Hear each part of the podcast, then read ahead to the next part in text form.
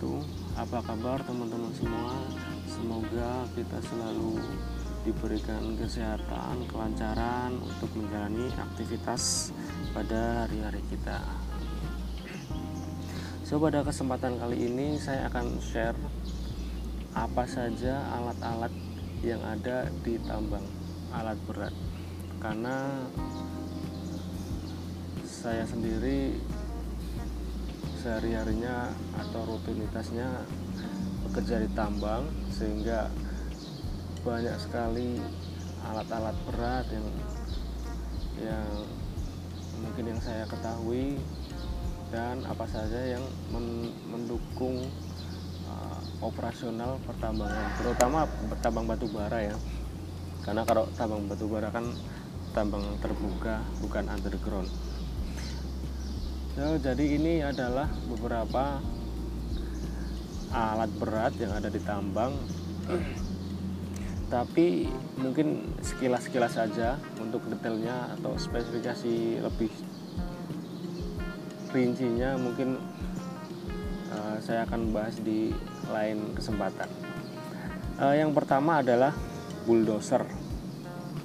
Bulldozer sendiri merupakan uh, sebuah traktor rantai atau crawler uh, yang berguna untuk pekerjaan menggali, menggusur, mendorong tanah atau material uh, dan menarik log atau uh, apa ya, menarik kayu atau benda-benda uh, yang berat lain uh, yang dapat dioperasikan di medan yang mungkin berbatu, bisa uh, berbukit atau tanah lumpur Ah, dan selain di sektor pertambangan atau mining doser ini bisa juga dipakai di konstruksi untuk pembangunan jalan atau peng apa ya pengaspalan atau lain sebagainya.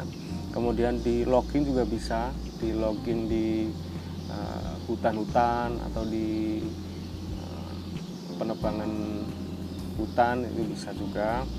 Kemudian uh, perkebunan bisa juga atau biasanya untuk uh, meratakan atau apa ya kalau misal kita ada lahan baru kemudian masih banyak ma masih banyak mungkin batu atau tanah yang nggak rata atau mungkin hmm, apa batang-batang pohon yang sedikit mengganggu itu bisa diberesin sama doser ini. Uh, doser sendiri ada beberapa tipe sih. Ini sebag, uh, bagian besarnya aja. Ada yang dipakai buat di, di darat yang biasa kemudian yang di swam. Swam itu mungkin di apa ya lebih ke air atau hmm, rawa-rawa hmm, itu bisa ada juga.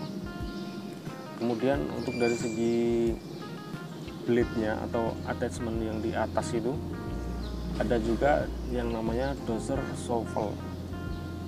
Itu perbedaan pada doser shovel dengan doser biasa sih paling cuma blade-nya aja. Kalau shovel lebih bisa lebih lebih apa ya? Hmm, lebih bisa me, me apa ya? Menggaruk tanah lebih banyak mungkin.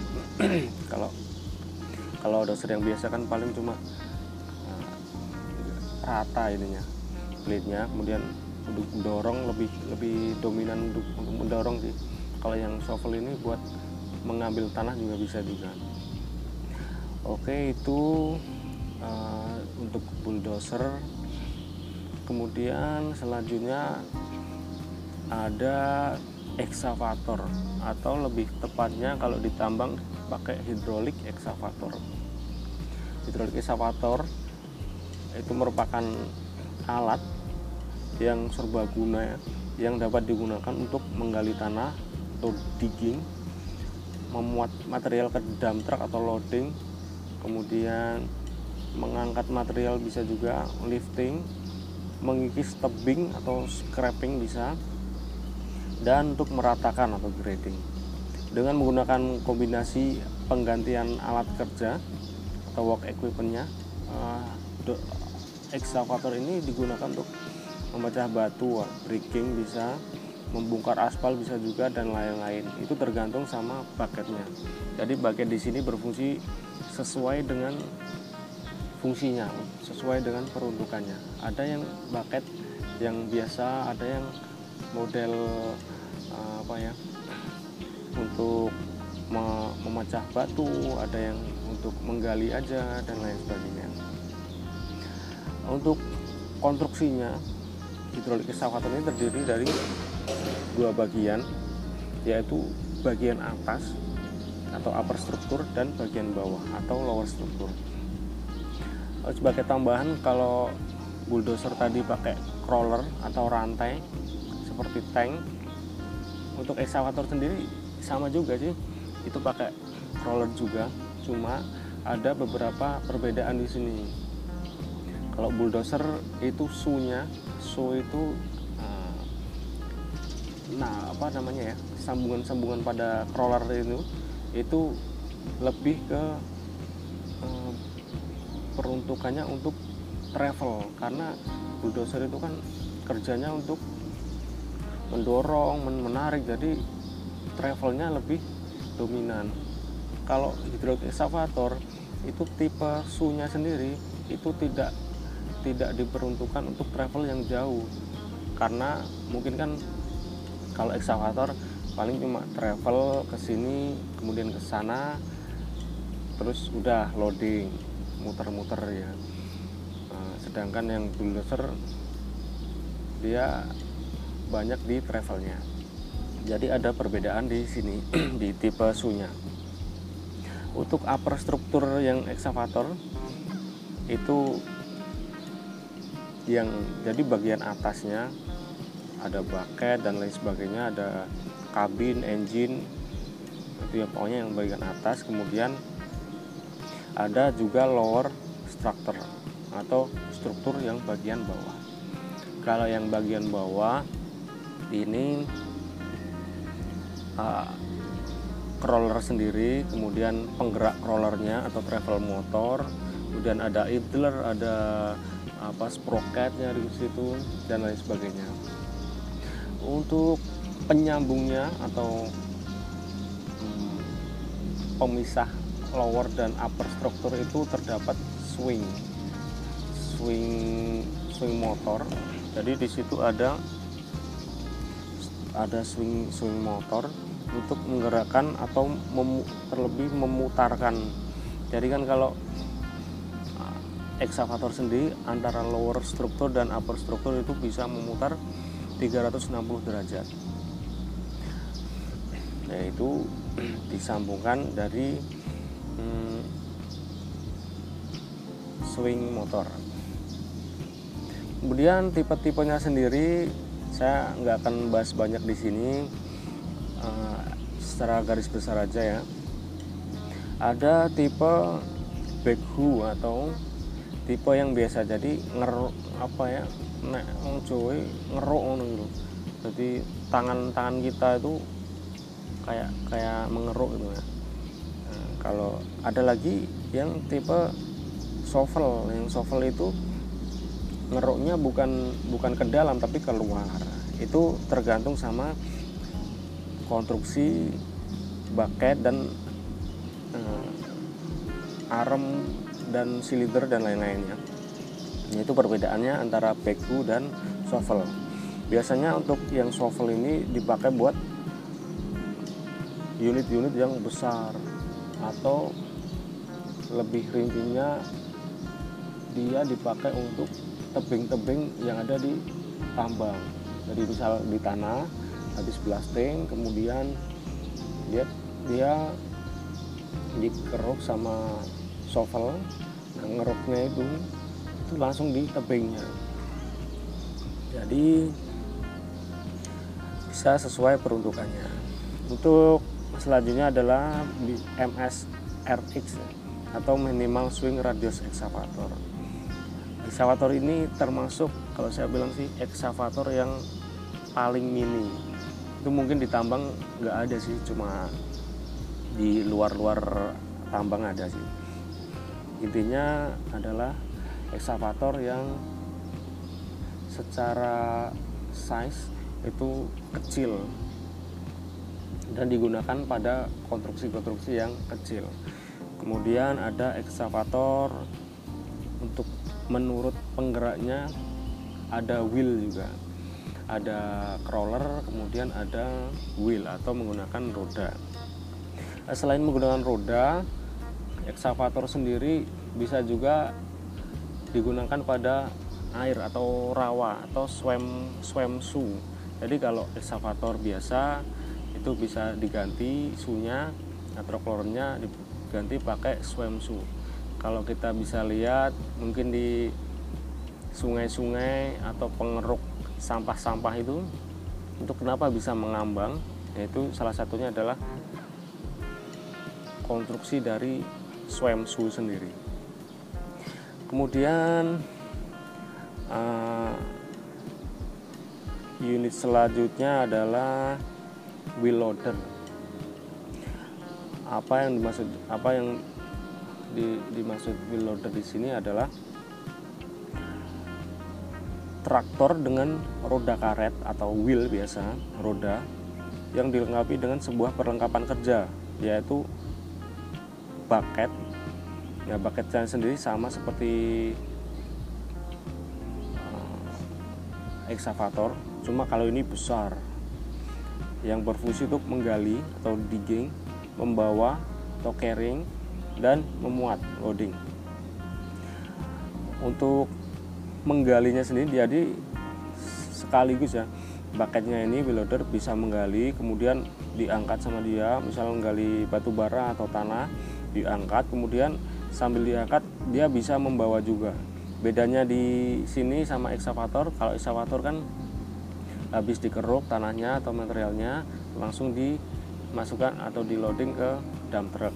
Kalau yang loader dia bisa membawa material tersebut atau travel.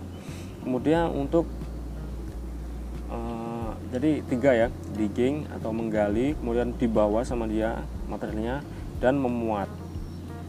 Itu tiga. Kemudian wheel loader ini sangat efisien untuk bekerja di daerah kering rata dan kokoh. Kalau di tambang biasanya buat muat batu bara atau memasukkan batu bara ke trailer-trailer. Jadi kalau trailer yang di sini adalah trailernya gandeng dua itu. Jadi ada trailer yang bak satu vessel satu sama vessel dua. Nah itu muat batu baranya yang dari Rom itu memakai wheel loader. Nah, kemudian mungkin komponen-komponen uh, maaf model utama pada wheel loader ada ada banyak sih di sini ya. Ada yang wheel loader yang biasa atau menurut attachmentnya yang memakai bucket kemudian wheel dozer jadi wheel dozer itu wheel loader yang paketnya dipakai seperti blade-nya pada bulldozer. Itu namanya wheel dozer fungsinya buat apa? Fungsinya buat sama mendorong material-material. Tapi kalau di sini paling cuma di batu bara karena batu bara kan mempunyai masa yang lebih ringan jadi lebih enteng. Kalau sedangkan kalau material tanah mungkin bisa memakai bulldozer karena torsinya yang lebih besar. Kemudian ada uh, backhoe loader jadi backhoe loader itu wheel wheel loader yang belakangnya ada attachment seperti eksavator jadi ada boom ada arm ada bucketnya juga. Nah di sini bisa dua-duanya. Cuma di sini secara size memang kecil. Jadi kalau backhoe loader ini nggak ada mungkin kecil karena mungkin attachmentnya yang dua sekaligus uh, wheel wheel loader ini juga banyak ya menurut bucket. Uh, tipe-tipe bucketnya banyak tapi saya nggak akan uh, menjelaskan secara rinci di sini. Untuk yang selanjutnya adalah motor grader. Motor grader ini fungsinya adalah untuk membuat jalan seperti membentuk jalan atau grading, meratakan jalan dan finishing. Eh, motor grader adalah sebuah traktor roda yang dilengkapi peralatan kerja yaitu blade, jadi blade-nya ada di tengah. Kemudian apa namanya? scarifier yang eh, dipasang pada bagian depan blade yang untuk memecah material keras kemudian reaper reaper ini terletak di bagian belakang dan berfungsi untuk memecah material-material keras jadi kalau grader ini kalau ditambang dia yang bertugas untuk meratakan semua jalur hauling jadi jalur hauling atau jalur yang dilewati dump truck dump truck itu yang bertanggung jawab rata atau enggaknya atau e, rusak atau enggaknya itu adalah motor grader. Kalau kita lihat kalau yang di luar-luar biasanya dipakai buat pembangunan aspal, pengaspalan itu sangat sangat sangat sering di, dipakai. Karena buat biasanya kalau eh, dikasih apa ya, apa ya material aspal itu kemudian di diratakan dulu oleh grader. Atau kalau fungsi reapernya sendiri itu buat memecah aspal yang rusak. Jadi sebelum diaspal kembali aspal yang rusak itu dipecah dipecah dulu menggunakan reaper. Reaper ini terletak di bagian belakang. Kemudian grader ini berfungsi bisa untuk menarik juga. Kalau di sini ditambang bisa untuk menarik hose HDPE jadi hose oh, selang-selang besar hose yang besar. Kemudian bisa menarik apa ya ponton juga mungkin. Ya menggunakan sling. Itu kemudian yang kelima adalah dump truck. Dump truck sendiri adalah sebuah alat pengangkut material dan jarak sedang dari jarak sedang hingga jarak jauh. Di mana material yang dibawa oleh dump truck dapat diisikan oleh eksavator atau wheel loader atau shovel ya. Uh, fungsi utamanya adalah itu untuk muatan kalau di tambang mungkin dari loading point itu nanti material akan di loading di dump truck kemudian dump truck yang akan memindahkan material tersebut ke disposal atau ke hmm, dumping point. Kalau dump truck di sini hmm, mempunyai beberapa tipe juga ya kalau secara size ada yang nggak begitu besar, ada yang besar tergantung dengan muatannya. Biasanya ada kode-kodenya. Kalau di Komatsu mungkin ada HD 785 ada HD 1500 kalau di Caterpillar mungkin ada CAT 979 dan lain-lain uh, HD habis HD hmm. kemudian yang selanjutnya adalah HM kalau HM ini sebenarnya lebih masuk ke HD cuma kalau HD kan rigid dump truck. Kalau HM ini articulate jadi roda roda bagian depan steeringnya itu nggak bisa digerakkan. Kalau HM itu langsung sebadan badannya jadi di tengah-tengah itu ada ada steering silindernya yang akan menggerakkan badan yang depan itu ke kanan atau ke kiri. Sedangkan kalau rigid dump kan yang gerak cuman steering uh, cuman roda depannya aja kalau bedanya secara operasional apa?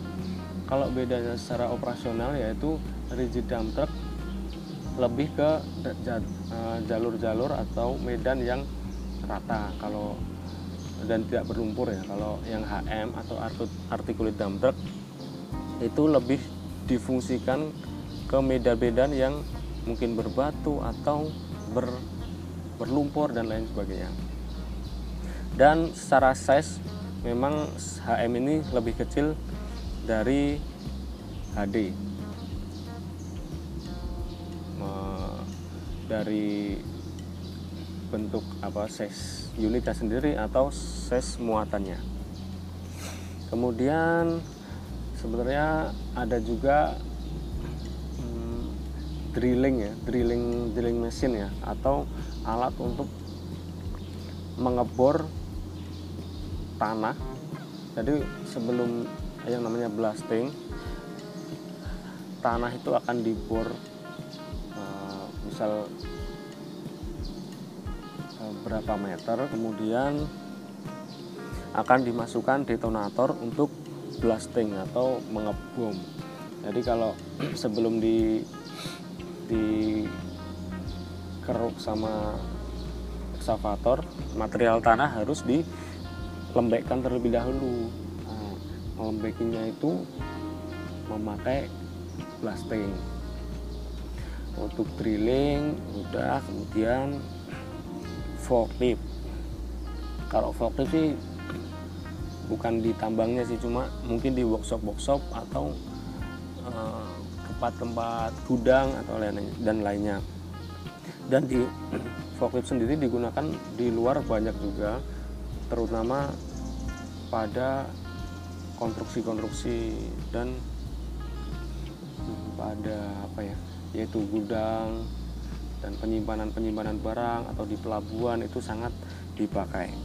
Uh, fungsi forklift sendiri adalah suatu alat yang terdiri dari badan atau body dan perlengkapan kerja atau work equipment yang digunakan untuk memuat atau loading dan menurunkan muatan atau unloading terutama pada daerah yang sempit. Jadi di forklift sendiri ada namanya fork Nah, itu untuk menaikkan dan menurunkan barang. Nah, kemudian di secara apa ya? Secara penggeraknya atau secara uh, powernya dia menggunakan ada yang diesel engine, ada yang menggunakan elektrik. Nah, biasanya kalau yang elektrik sih yang yang forklift-forklift kecil ya. Untuk muatannya sendiri ini juga beda-beda tergantung dengan karakter apa namanya spesifikasi pabrikan. Ada yang kecil biasanya kalau kecil digunakan pada gudang-gudang yang sempit atau workshop-workshop yang uh, lebih sempit dan barangnya pun tidak begitu berat. Kalau yang besar seperti forklift yang 15 ton atau yang lebih besar mungkin itu banyak digunakan pada pelabuhan atau hmm, apa ya di pokoknya buat ngangkut atau mem, memindah-mindah kontainer. Jadi kalau di kontainer itu bisa kita lihat kalau di bawahnya itu ada dua seperti dua dua tempat atau dua lubang itu ya. Nah, itu sebagai tempat fog pada forklift agar lebih uh, lebih lebih enak dipindah itu untuk forklift untuk forklift sendiri attachmentnya juga bisa diganti-ganti. Itu mungkin bisa di lain kesempatan. Kemudian ada juga genset. Kalau genset mungkin di luar-luar juga banyak ditambang terutama di workshop itu wajib pakai genset kenapa karena di workshop itu sangat sangat sangat vital karena semua menggunakan listrik. Kejadian sendiri berfungsi untuk merubah energi mekanis menjadi energi listrik. Mungkin di rumah sakit juga wajib ada, kemudian di hmm, mungkin sarana-sarana prasarana umum itu di apa namanya bandara atau di mall atau di hotel itu pasti ada gensetnya. Untuk fungsi fungsi utama sendiri yaitu untuk itu uh, untuk sumber sumber energi listrik. Untuk uh, namanya secara umum itu sama ada genset kemudian eh sorry ada engine kemudian ada base frame nya base frame nya itu buat tempatnya si engine kemudian ada alternator. Nah ini jadi engine untuk penggerak biasanya pakai solar ya kebanyakan tapi ada juga yang pakai gasolin atau bensin. Jadi engine memutar memutar alternator atau generator. Nah, kemudian generatornya akan menyuplai arus-arus yang dibutuhkan pada tempat-tempat yang membutuhkan. Atau bisa juga kalau misal dibutuhkan saat emergensi atau listriknya mati. Misalnya kalau listrik mati kemudian gensetnya nyala sendiri itu juga bisa. Itu nanti ada komponen sendiri namanya mungkin controller atau lainnya. Itu kemudian apalagi ya? Kalau di sini itu aja sih. Mungkin ada mesin apa pumping pumping juga sih. Jadi pumping di sini berfungsi kalau ditambang sih kalau di sam atau di bawah tambang itu pasti ada airnya air air bekas hujan itu harus dinaikin ke atas tambang. Karena apa karena biar nggak jadi danau. Nah itu yang bertugas menaikkan air itu adalah pompa. Itu pompa. Dan pompa di situ terdapat ponton atau semacam pelampungnya. Jadi engine atau pompa di situ ditopang oleh pelampung atau ponton tersebut. Oke, mungkin itu saja yang dapat saya share. Semoga bisa bermanfaat bagi teman-teman semua. Uh, mungkin kalau kurang rinci uh, di lain kesempatan saya bisa uh, menjelaskan detail dari unit per unit secara secara lebih gamblang gitu. Baik, itu saja yang bisa saya sampaikan. Semoga menjadi dapat menjadi inspirasi bagi teman-teman semua. Akhir kata, wassalamualaikum warahmatullahi wabarakatuh. Dah.